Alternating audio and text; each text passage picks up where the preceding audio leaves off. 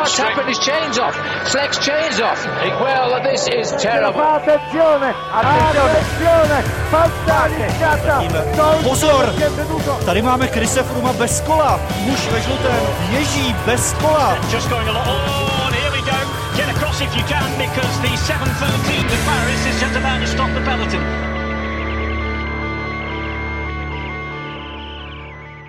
Dobrý den, sezóna belgických klasik vrcholí a tak se na to všechno pojďme podívat v novém dílu Velofocus podcastu.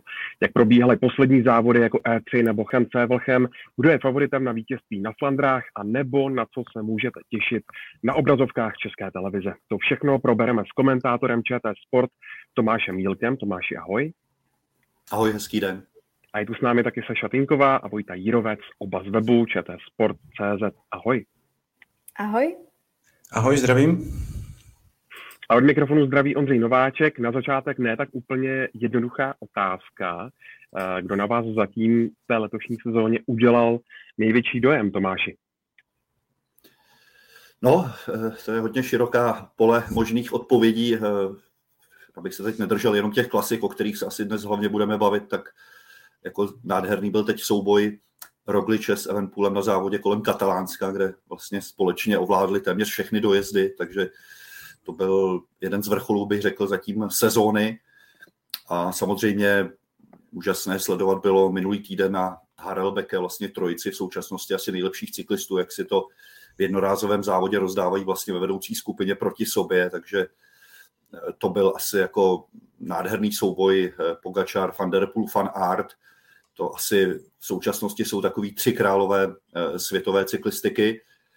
No a zároveň jsem taky rád, že mladí čeští jezdci, kteří buď to jsou v development týmech těch World stájí, nebo už tam dostávají první větší šance, takže se ukazují a že není náhoda to, co jsme v posledních letech sledovali třeba na světových šampionátech v kategorii do 23 let, že teď máme ohromně silnou právě tu generaci jezdců eh, kolem 22, 21 let a že už dostávají šanci právě na těchto závodech, takže to mě samozřejmě hodně těší. Já jsem nad tím včera docela dlouho přemýšlela a nevěděla jsem, co odpovím. Uh, největší dojem bych asi neřekla, ale taky série různých věcí, které na mě zanechaly dojem. Jedna z nich zmínil Tomáš uh, z trochu jiného pohledu. Mě uh, asi hodně překvapilo, jakým způsobem se Primoš Roglič vrátil do té World Tour po té operaci. A další věc, taky ze závodu kolem Katalánska minulý týden, uh, docela jsem byla překvapená tím, jakým způsobem vlastně Sudal Quickstep vzal takovou tu roli toho lídrovského týmu, jak byl velmi silný, že i vlastně v posledních stoupáních posledních stoupáních tam měl Remko Evenpool sebou dva, tři závodníky, zatímco s Rogličem tam zůstával většinou už jenom Sepkus. Takže to mě taky překvapilo, jak ten tým na mě působil v tom závodě silně. Tak vy jste řekli oba Rogliče, tak já řeknu Pogačera, abych to trochu ozvláštnil. Ten jeho vlastně vstup do sezóny mi přišel jako skvělý, to ty, já nevím, čtyři nebo pět vítězství hnedka v těch prvních čtyři, pěti závodech, to bylo něco, co uh, asi není úplně, úplně obvyklé, ještě ten způsob, jakým on vyhrává, že se fakt jako nebojí uh, zautočit ze strašné dálky a většinou mu to i vyjde. A kdybych měl říct jeden moment, který na mě zapůsobil asi úplně nejvíc, tak to byl Van Der Poel na, na Sanremu, ten jeho nástup na konci Podžia, toho závěrečného kopce, kdy tam jakoby v vozovkách zdrhnul těm eh, svým třema soupeřům, tak to bylo, uh, myslím, takový moment, který si asi budu pamatovat uh, z téhleté sezóny, takový jako těch, já nevím, 10 vteřin toho jeho úplného zrychlení, kdy jim pláchnul, tak to bylo vidět ta, ta obrovská síla a ty jeho schopnosti. A pak ještě to vlastně potvrdil v tom, v tom sjezdu a, a vyhrál, takže tohle pro mě asi byl zatím ten největší, největší moment jak už vlastně bylo zmíněn, takový ten paradox uh, u týmu Quickstep, že oni letos mají větší úspěchy na etapových závodech než v těch klasikách, což je pro ně priorita vždycky na jaře. A vlastně to i Patrick Lefevre zmínil, že on ani tolik jako nechválí eh, Evenpoola nebo Maura Schmida, který vyhrál závod Kopy a Bartaliho, ale spíš furt se vrací k tomu, že je zatím hodně zklamán z výkonu svého týmu na těch jednorázovkách. No, takže tady je vidět, kde je jako důraz skladen u tohoto belgického týmu, který sice zase s Jumpem bojuje počtu vítězství v sezóně, ale eh, prostě to, co chtějí hlavně vyhrát teď na jaře, to jim zatím hodně chybí. No v těch klasikách jsou úplně neviditelní, no, tam jako jak Asgren, tak vlastně všichni ti um, takové ty stabilní opory jako Lampard a další, tak uh, Lampard se byl, myslím, třetí na jednom z těch závodů, ale jinak, jinak v té, v té konkurenci, no v tom přímém souboji s Jumbo Visma, tak hrajou um, ty druhé housle, no, takže tam to zatím není nic moc, nicméně já si myslím, že on se taky trochu zlídl v Evenepoolovi a v tom, uh, v tom, že s ním chce vyhrát Tour de France, takže ten důraz uh, na, ty, na ten třítýdenní závod tam je, tam je dost patrný, takže jsou v takové asi fázi, kdy um, se musí rozhodnout, uh, co, co dál. No. Je, to, jako, je to zajímavá situace. Člověk, který je zvyklý, že v těch posledních letech oni vlastně dominovali, vyhrávali x těch klasik uh, každý rok, tak uh, vlastně teď je skoro jako ani není vidět v tom pelotonu, nebo to je, to je přehnané, ale, ale tu dominantní roli, kterou měli, tak, tak rozhodně nehrají a přebrali ji vlastně jiní. My se k těm klasikám eh, samozřejmě dostaneme, ale probíhají taky etapové závody. Zdá se, že monopol na ně mají Slovenci. Tady Pogačar jasně vyhrál duel s Jonasem Vingegordem na paříž nice Hned dva celkové triumfy si pak už stihl připsat Primoš Roglič, tak uh, Vojto, žádná krize slovenské cyklistiky asi není na obzoru, ne? No evidentně ne, no. Oni, vy už jste to řekli uh, v těch předchozích, uh, no, v předchozím vstupu. Já jsem teda katalánskou úplně nestíhal sledovat tím, jak to šlo, uh, nebo ne úplně tak, protože to šlo i proti těm klasikám. Nicméně ten hlavní souboj Roglič Evenpool, to byla taková jako příprava na letošní Giro, kde by oba dva měli jet, uh, patří k těm úplně největším favoritům. Uh, oba dva vlastně vyhráli tady v Katalánsku dvě etapy.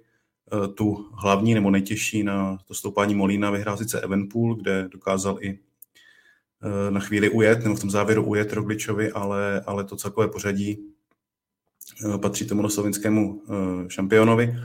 A já jsem si našel nějakou statistiku, která mě přišla docela ohromující, že on za posledních pět let s výjimkou Tour de France, tak na každém etapovém závodě, do kterého nastoupil, a bylo jich 21 nebo 22, tak měl dres lídra celkového toho závodu, což mi přijde jako naprosto teda ohromující důkaz nějakého Eh, konzistentnosti nebo, eh, nebo prostě vyrovnanosti těch výkonů, zároveň eh, ten jeho styl, kdy on, člověk prostě ví, jak on vyhraje. V závěru prostě má tak obrovské zrychlení, že mu málo kdo dokáže konkurovat, možná Pogačar, možná někdy Evenpool, ale, ale většina těch jeho soupeřů na to nemá a on takhle vyhrává už těch pět let a nikdo zatím na to moc recept nenašel, takže je to, je to ohromující a jak říkala Saša, vlastně tak i ten, ten způsob, jakým on se dostal se zpátky do formy po tom zranění eh, z loňského roku nebo po tom pádu, eh, tak, eh, tak je super a myslím, že to se jako slibuje i před tím Jirem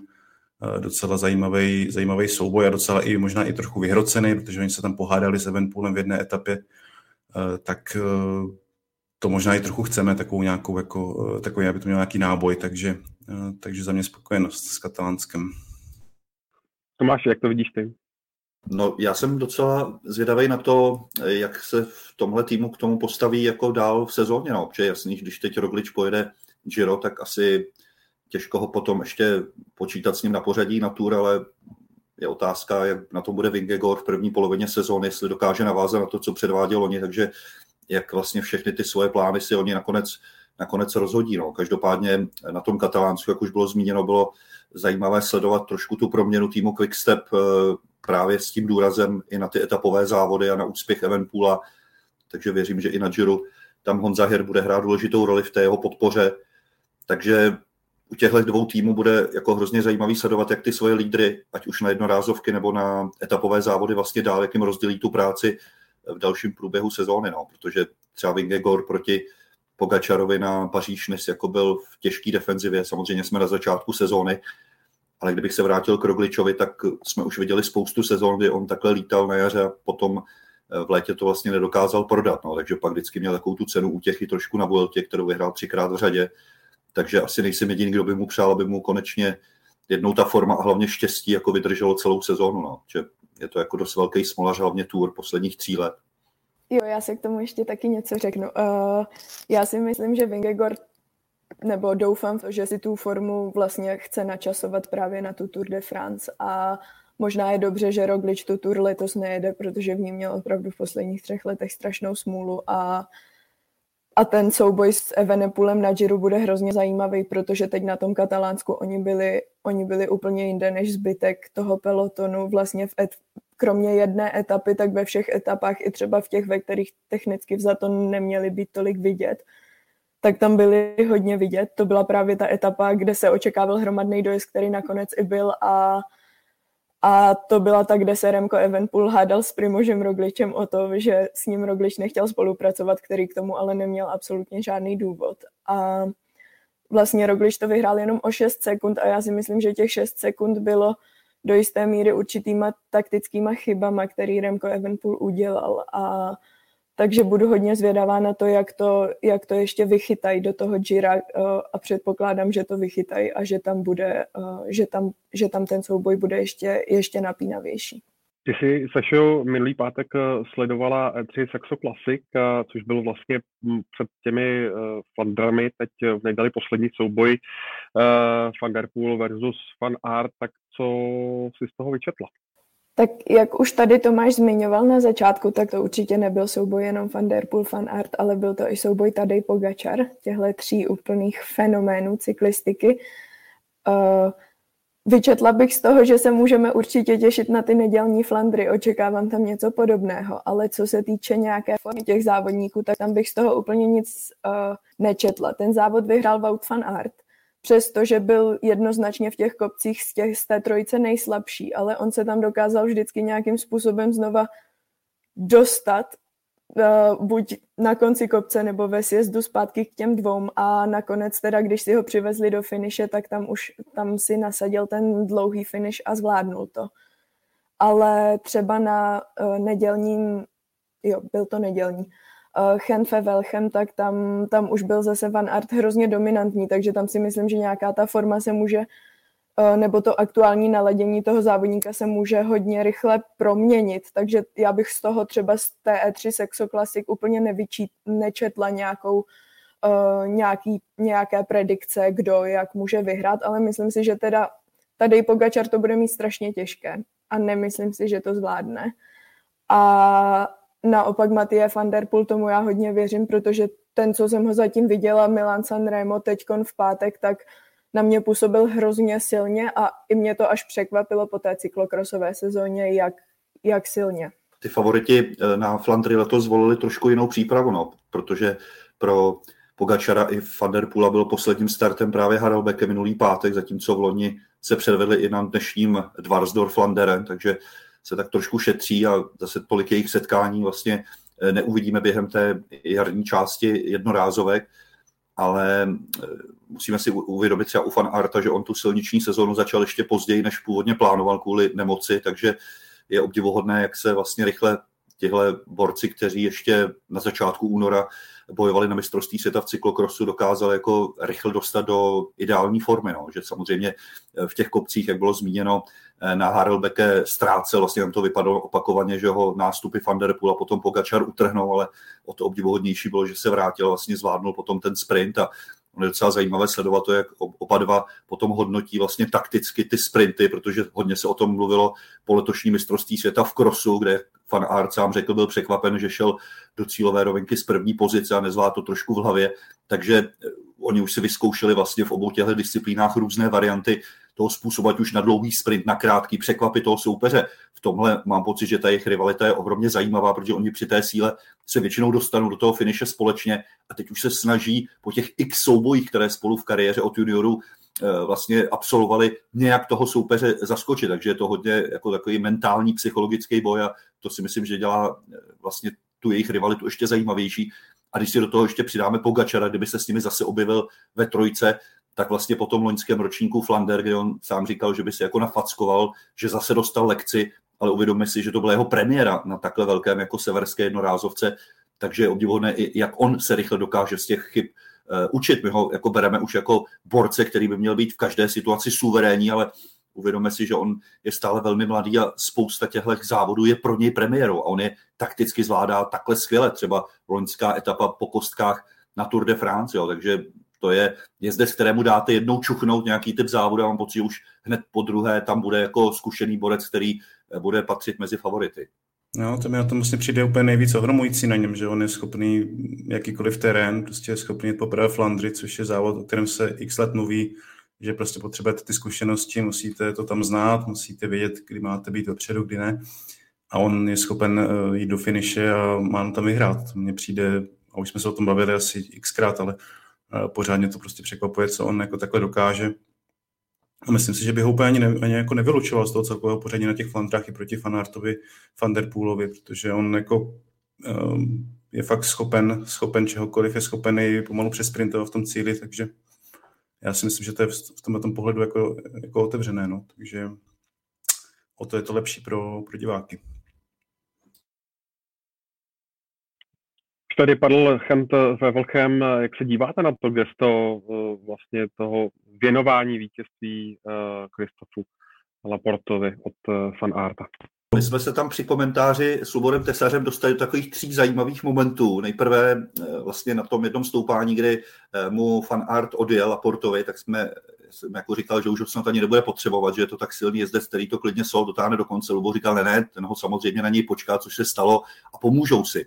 No a potom jsem oba jako si myslel, no tak teď je asi jasný, kdo, kdo vyhraje. No a nakonec vlastně to dostalo ještě jednu zajímavou zápletku, kterou vlastně Lubor potom popsal celkem jasně. On řekl, tak on si ho tímhle ještě více zavázal a Porta, aby pro ně jako vypustil duši jako na Flandrech a na dalších klasikách. Jo. Takže je zajímavé, jak to v tom týmu funguje, který je takhle dominantní a ve dvou dojedou do cíle. Tam byla vidět situace, kdy vlastně přijeli k sobě asi kilometr před cílem, tam jako Fan Art, Laporta objel a mám pocit, že v tu chvíli jako si takhle hezky rozložili, tak, takhle si to naplánujeme a ty dneska Kristofe teda vyhraješ, ale o to víc jako očekávám potom od tebe podporu v tom závodě, na kterém Belgičanům jako záleží nejvíc. A ještě si vezměme, že loni eh, Fan Art kvůli covidu nemohl na Flandrech eh, startovat, takže to jako byla pro Belgii úplně národní tragédie, že ho tam neviděli, což je pro ně úplně jako nejdůležitější závod roku. No. Takže tohle všechno si myslím, že tomu dodává jako na zajímavosti, jak to teď bude dál vlastně v té, v té rivalitě. Já jsem jenom chtěl říct, že to bylo hodně strašně chytrý, si myslím, že on se tím a tím, jak říkal Tomáš, nějak prostě zavázal, bude vědět, že on v těch závodech, které jsou pro fanáta důležitější, eh, což jsou třeba ty Flandry neděli, eh, tak on se pro něj naprosto obětuje a jako bylo, bylo to z jedné strany hezký to z druhé, řekl bych, hodně pragmatický i od fanárta, protože uh, po tomhle prostě Laport musí udělat první, poslední, aby, aby on ty Flandry zvítězil, tak, na, na nich zvítězil, takže uh, takže asi tak, no. A bylo to jako na to asi možná rozdílný názory, že možná si to mě třeba rozdat v tom sprintu, ale, ale i tohle to prostě dělá cyklistiku cyklistikou, že tam je těch taktických variant uh, strašně moc a může dojít i na um, takovouhle, že si vlastně, uh, že vlastně dojedou uh, vlastně ruku v ruce víceméně.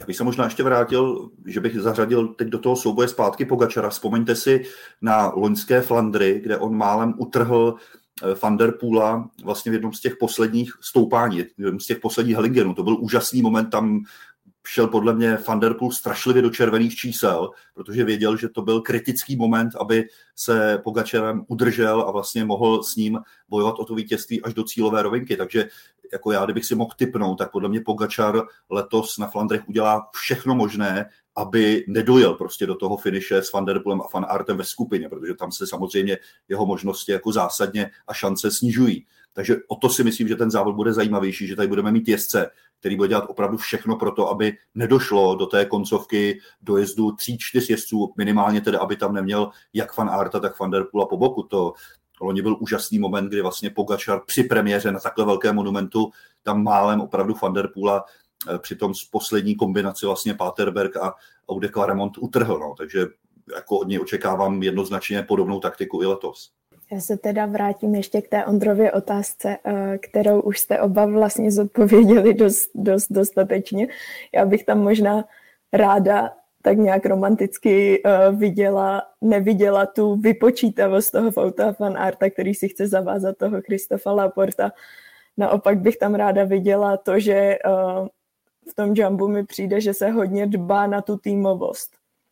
A právě i ty ostatní, ostatní závodníci, kromě té jejich jakoby svaté trojice, Fan Art, uh, Roglič a Vingegor, takže dostávají příležitost. A Van Art už ten závod vyhrál a říkám si, že možná to tam bylo i jak on po závodě říkal, že Lepot pro něj dělá spoustu práce uh, od loňského roku v každém závodě, takže takže mu to vítězství prostě daroval z, nějaké, uh, z nějakého dobrého úmyslu, ale, ale jistě jakoby nějaká ta, uh, nějaká ta kalkulace tam asi byla, nebo možná nebo nenazývat to kalkulací, ale, ale že, že pro něj Laport teď udělá opravdu uh, cokoliv. Ale myslím si, že by to dělal i tak, že by pro něj pracoval. Já bych tedy před Flandry měl jedno přání, abych nerad v tom přenosu zase se dočkal toho, že nám tam budou dojíždět dva, nedej bože, tři týmoví kolegové z jednoho týmu. No to, to potom strašně ztrácí na gradaci. Samozřejmě i ten komentář a ten divácký zážitek že když si uvědomíme, a věřím, že se dá dokupy po tom pádu na Harelbeke, že mají ještě fan Barleho od letoška, jo, který už sám byl loni na Flandrech druhý, vyhrál Paříž Rubé, tak to jako by to nebylo zase takové sci-fi, že by tam měli klidně tři jezdce jako v té vedoucí skupině. No. Takže pevně doufám, že to bude opravdu souboj různých jezdců z různých týmů, hlavně až do finiše. No a nejel se pouze mužský závod, ale taky ženský, který možná ještě daleko větším stylu vyhrála Marlene Roycerová. Jak se to stane? Sašo, že uh, takhle jezdec ujede a už ho pak vlastně nikdo nevidí. Že jsme tady ještě nezmiňovali, že ten nedělní závod byl v opravdu belgických klasikářských podmínkách. Byla strašná zima, celou dobu v podstatě pršelo, bláto, klouzavé silnice, takže i ten ženský závod, stejně jako ten mužský, poznamenala celá řada pádů a řekla bych, že ten ženský tím byl ovlivněn ještě víc, protože ty pády byly opravdu ošklivé, byly spadl někdo uprostřed balíku a pokácel zbytek balíku za sebou. A Marlen Reusser uh, na jednom tom stoupání 40 km před cílem, teď si nejsem jistá, který berg to byl, ale ona, ona se dostala do čela toho očesaného balíku, který, ve kterém bylo třeba, nevím, 25 závodnic a, a tak si začala tempařsky šlapat, po chvíli se ohlédla a zjistila, jo, ty holky mě úplně nestíhají a pak teda nasadila, ona je taková mm, vysoká silová závodnice, vynikající časovkářka, stříbrná medailistka z Tokia z mistrovství světa,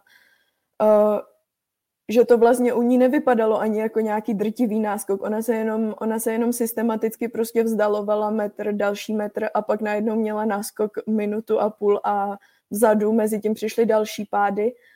A Roycerová jezdí za SD Works, což je asi nejsilnější možná tým v tom ženském pelotonu. Je teda skvělá časovkářka a prostě si to dočasovkovala až, až do cíle a to tam teda měla ještě jeden zásadní problém, kdy 4 kilometry před cílem vyjela na úplně špatnou silnici, ujela si 50 metrů, tam se musela otáčet a vracet se zpátky na trať. I tak teda vyhrála takhle s velikým náskokem a je to pro ní možná vedle té loňské etapy na Tour de France Femme, tak asi největší kariérní vítězství. No, ono to tam chvíli vypadalo, eh, jak kdyby na ní zapomněli, jak kdyby nevěděli, že, že je před nimi. I vlastně z těch reakcí uh, druhé závodnice v cíli, která slavila, uh, slavila jak kdyby sama vyhrála, což působilo tak trochu podivně. Ale vlastně takováhle situace se může, může stát, jak jsme viděli na olympijských hrách. Ale, ale jako nevím, no, jen bylo to každopádně impozantní, kdyby to bylo takhle, 40 kilometrů sama, eh, takhle jako v tom dešti, v těch náročných podmínkách, to myslím si rozhodně nebylo teda samozřejmě nic, nic lehkého a, a ten způsob, jakým, jakým vyhrála, jakým vlastně přetlačila ten celý peloton, ona zvítězila o necelé tři minuty, takže to bylo opravdu jako obrovským rozdílem, tak, eh, tak byl fakt něco. No. Takže eh, taky vlastně jedna z možných kandidátek na nějaké další vítězství, třeba, třeba i v tu neděli. Tak jo, eh, posloucháte Velofocus podcast a my už eh, teď pojďme k víkendovému závodu a velkému belgickému svátku, když jsme tu začátkem března měli Františka Paďoura, tak eh, ten za svůj nejoblíbenější monument označil Flandry. Jak to máš ty, Tomáši? Uh, jako nechci být ale opravdu tady asi neřeknu jeden závod. Je to pro mě jako říct, jestli mám radši filmy Woody Elena nebo Davida Lynche, prostě úplně rozdílné kategorie, ale obě miluju. Takže myslím si, že každý ten monument má svoje obrovské kouzlo. Je tedy pravda, že i sám uh, to mám tak, že třeba Milan Sanremo asi opravdu stojí za to si pustit na poslední dvě hodiny, zatímco Paříž Rubé třeba v posledních letech tam už často vyhrává jezdec, který je v celodenním úniku, tam je to spíš taková jako postupná vylučovačka, zatímco na Flandrech je ta vylučovačka trošku jiná, tam je to opravdu o tom, že ten sled těch Hellingenů v závěru je tak neúprosný, že tam se prostě vždycky projeví, kdo jak na tom ten den je. Tam si myslím, že to je velmi spravedlivé a většinou vyhrává opravdu někdo z velkých favoritů, když třeba v minulosti spousta lidí byla třeba překvapená, když vyhrál Alberto Betio, nebo když vyhrál Filip Gilbert, který do té doby byl brán spíš na ty Ardeny, ale měl třeba tehdy i štěstí, že za ním spadli Sagan s Van Avermatem, ale každý, každá ta e, klasika má svoje kouzlo, samozřejmě Liež, Baston, Liež, to je zase o opravdu těžkých stoupáních, a pokud tedy, teď to nemyslím ve zlem, někdo ten závod neznehodnotí e, nástupem 50 km před cílem, tak je to taky jako super podívaná, samozřejmě Lombardie, no. takže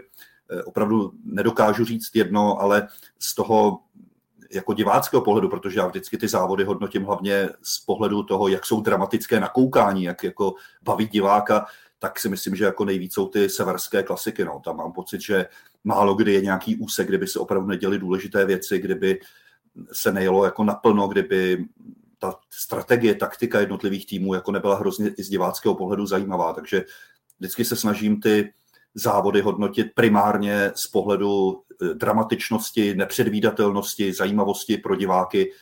A tady si myslím, že opravdu Flandry a Rubé jako nabízejí vždycky největší show. Ne, tak já bych s ním souhlasil v tom, že ty severské klasiky mají asi divácky eh, tu největší atmosféru, tam je vidět ta mm, obrovský, to obrovský nadšení těch fanoušků, eh, že tam skutečně cyklistika je ten sport číslo jedna, konkrétně teda v této části Belgie, v tom Vlámsku, nebo na severu Francie v okolí Rubé.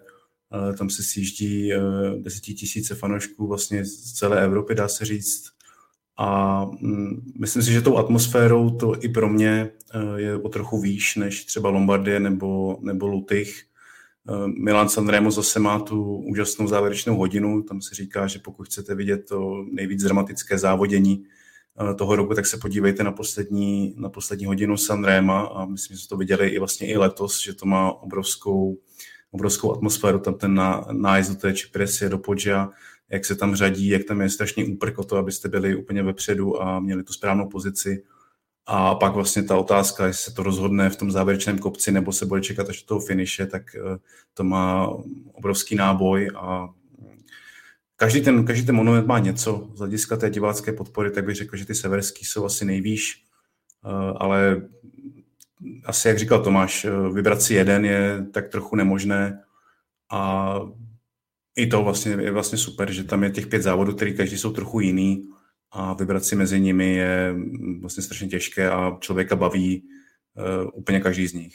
To se mimochodem poslední době hrozně jako řeší, kolik by těch monumentů mělo být. Já mám pocit, že to je úplně jedno, jestli nějakému závodu říká monument nebo ne. To jako asi nehraje roli, prostě se na ten závod podíváte, baví vás a je vám celkem jedno, jak se nazývá, jestli patří do té kategorie nebo do oné, může vás bavit klidně závod, který ani není o World Tour, že jo?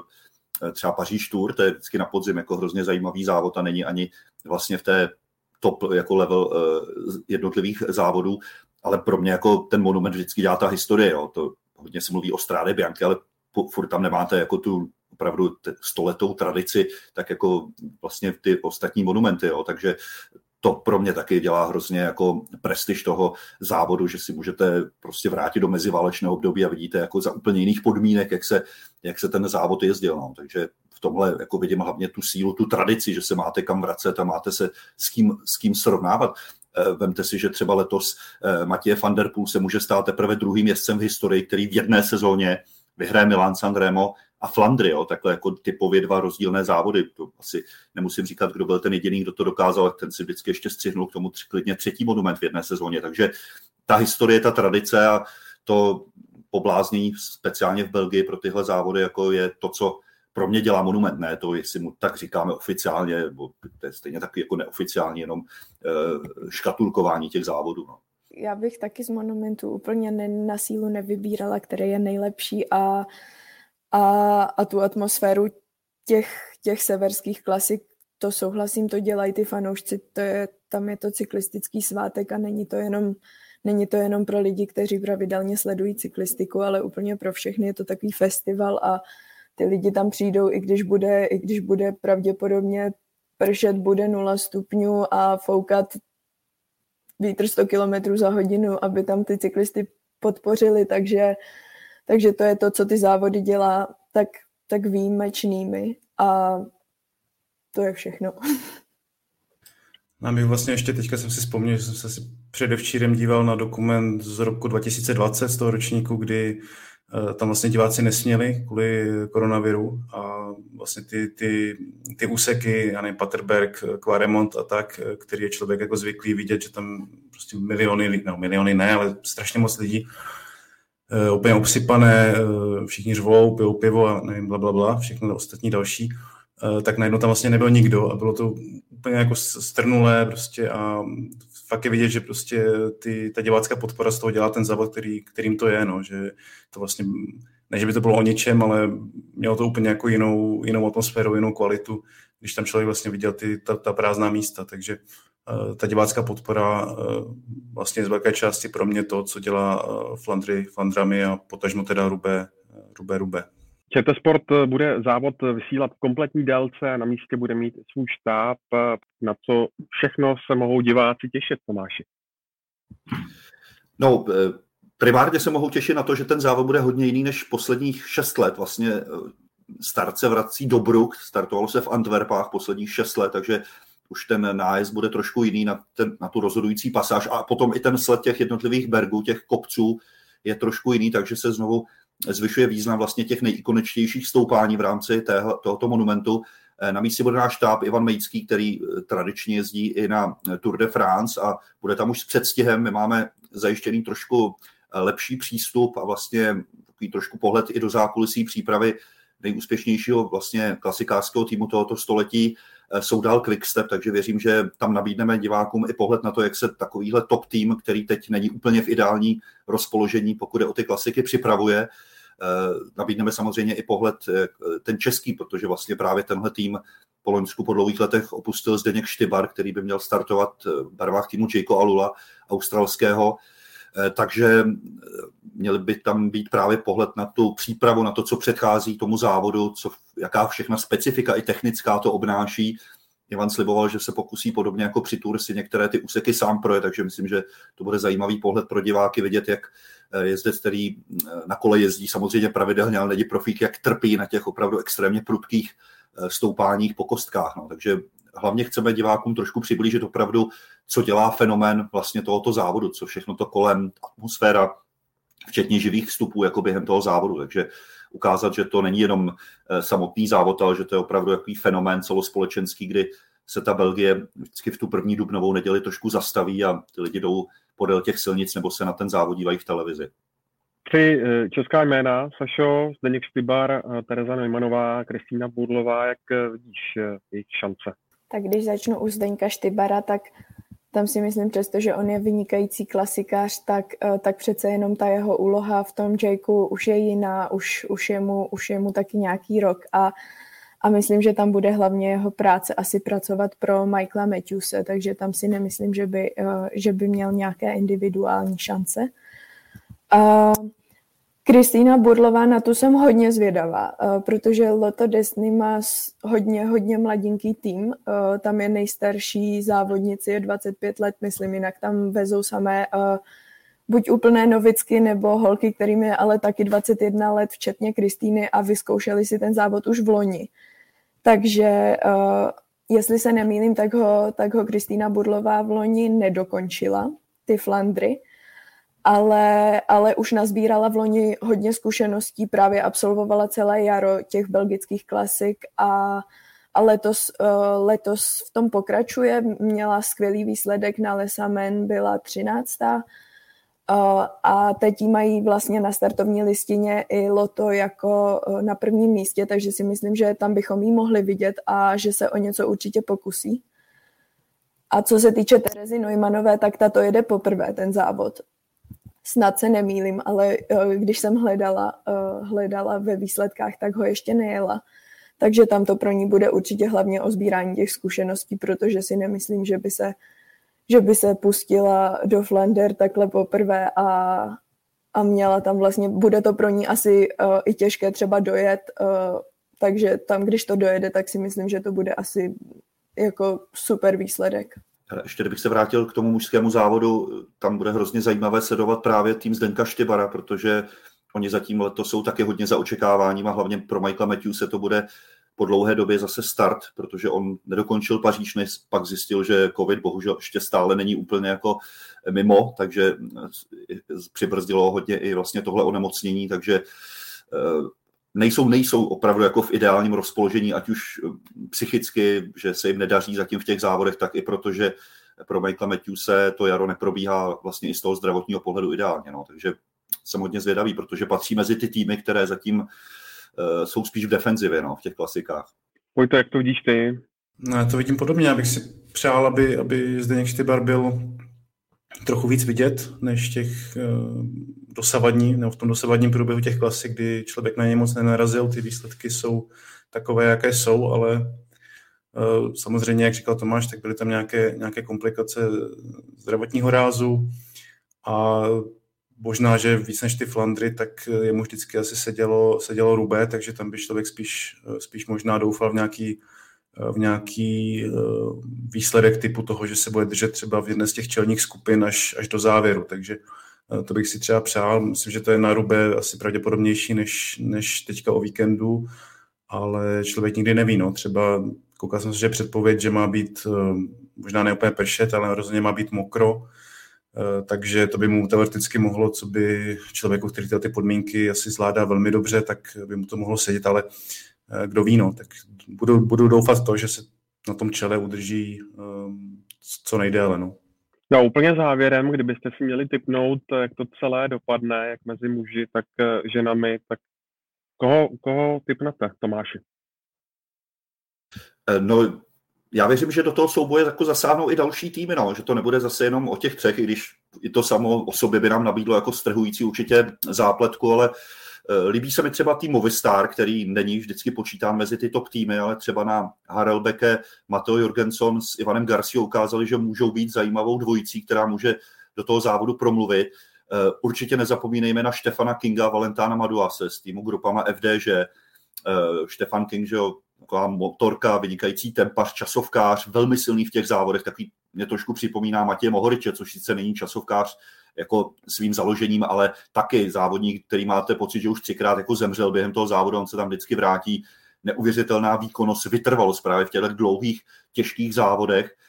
Valentán Maduas, hrozně zajímavé jméno, jeden z mála, který vlastně je schopen klidně na Grand Tour dojet v top desíce celkově a potom skvěle jezdí právě i tyhle drsné jednorázovky, takže Věřím, že to bude neodnatelné i z pohledu toho týmového, to znamená, že co nejvíc, nejpestřejší skupina vlastně barevně dresů se nám až do závěru bude držet jako v naději, no, že, že, že, to trošku, že to trošku eh, těm ostatním jako znepříjemní.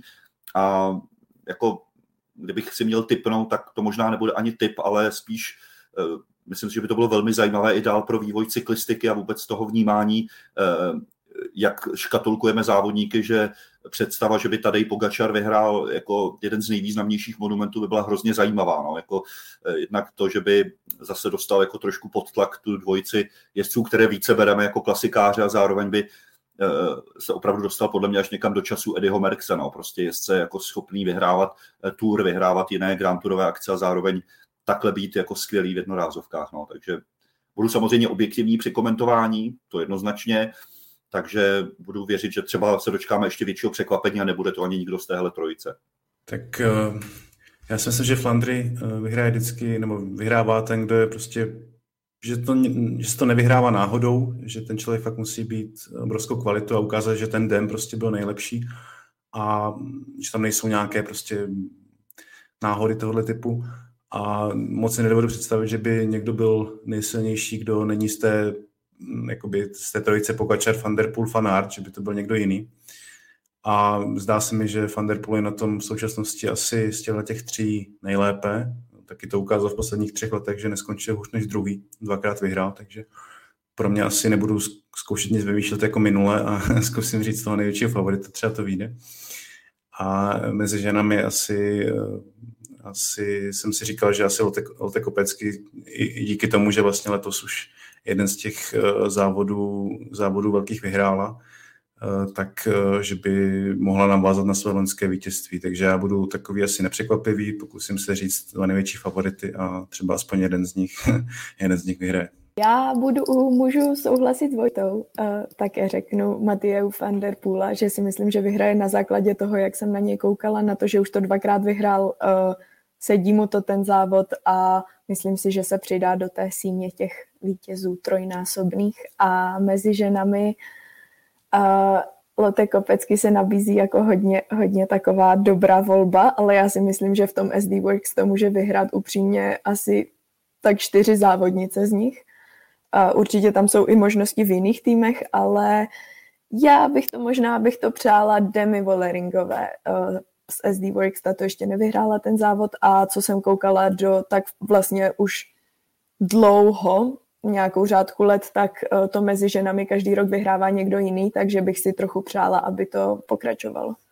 Já jsem mimochodem velmi zvědavý na premiéru Zoe Baxterové, což je pro mě do budoucna taková nová Marianne Fosová závodnice, která je neuvěřitelná kdekoliv na dráze, na silnici, v krosu, takže jako na ní jsem hodně zvědav. No. To závodnice, která vlastně za poslední rok získala duhové trikoty ve všech těchto cyklistických odvětvích, takže eh, hodně zajímavé jméno, samozřejmě mladíčka při premiéře, ale do budoucna jako velmi výrazně sledujeme tuhle dceru bývalého vítěze Paříž-Roubaix. Tak se těšíme, uh, sledujte vysílání ČT Sport po celou neděli, respektive ČT Sport eh, Plus. Z Velofocus podcastu je to všechno. Uh, dnešními hosty byly Saša Tinková, Tomáš Šílek a Vojta Jírovec a já jim za to moc děkuju. Díky, jenom připomínám, že začínáme už před desátou v neděli, takže ještě o hodinku dříve. Výborně. Takže komplet od slavnostního startu celý závod můžou diváci sledovat. Taky díky, mějte se, sledujte. Díky. Díky, mějte se. A mimochodem, pokud eh, všechno vyjde, tak eh, Saša eh, přinese ještě speciální vydání Velofocus podcastu v nejbližších dnech. Mějte se krásně a užívejte cyklistiku u obrazovek České televize.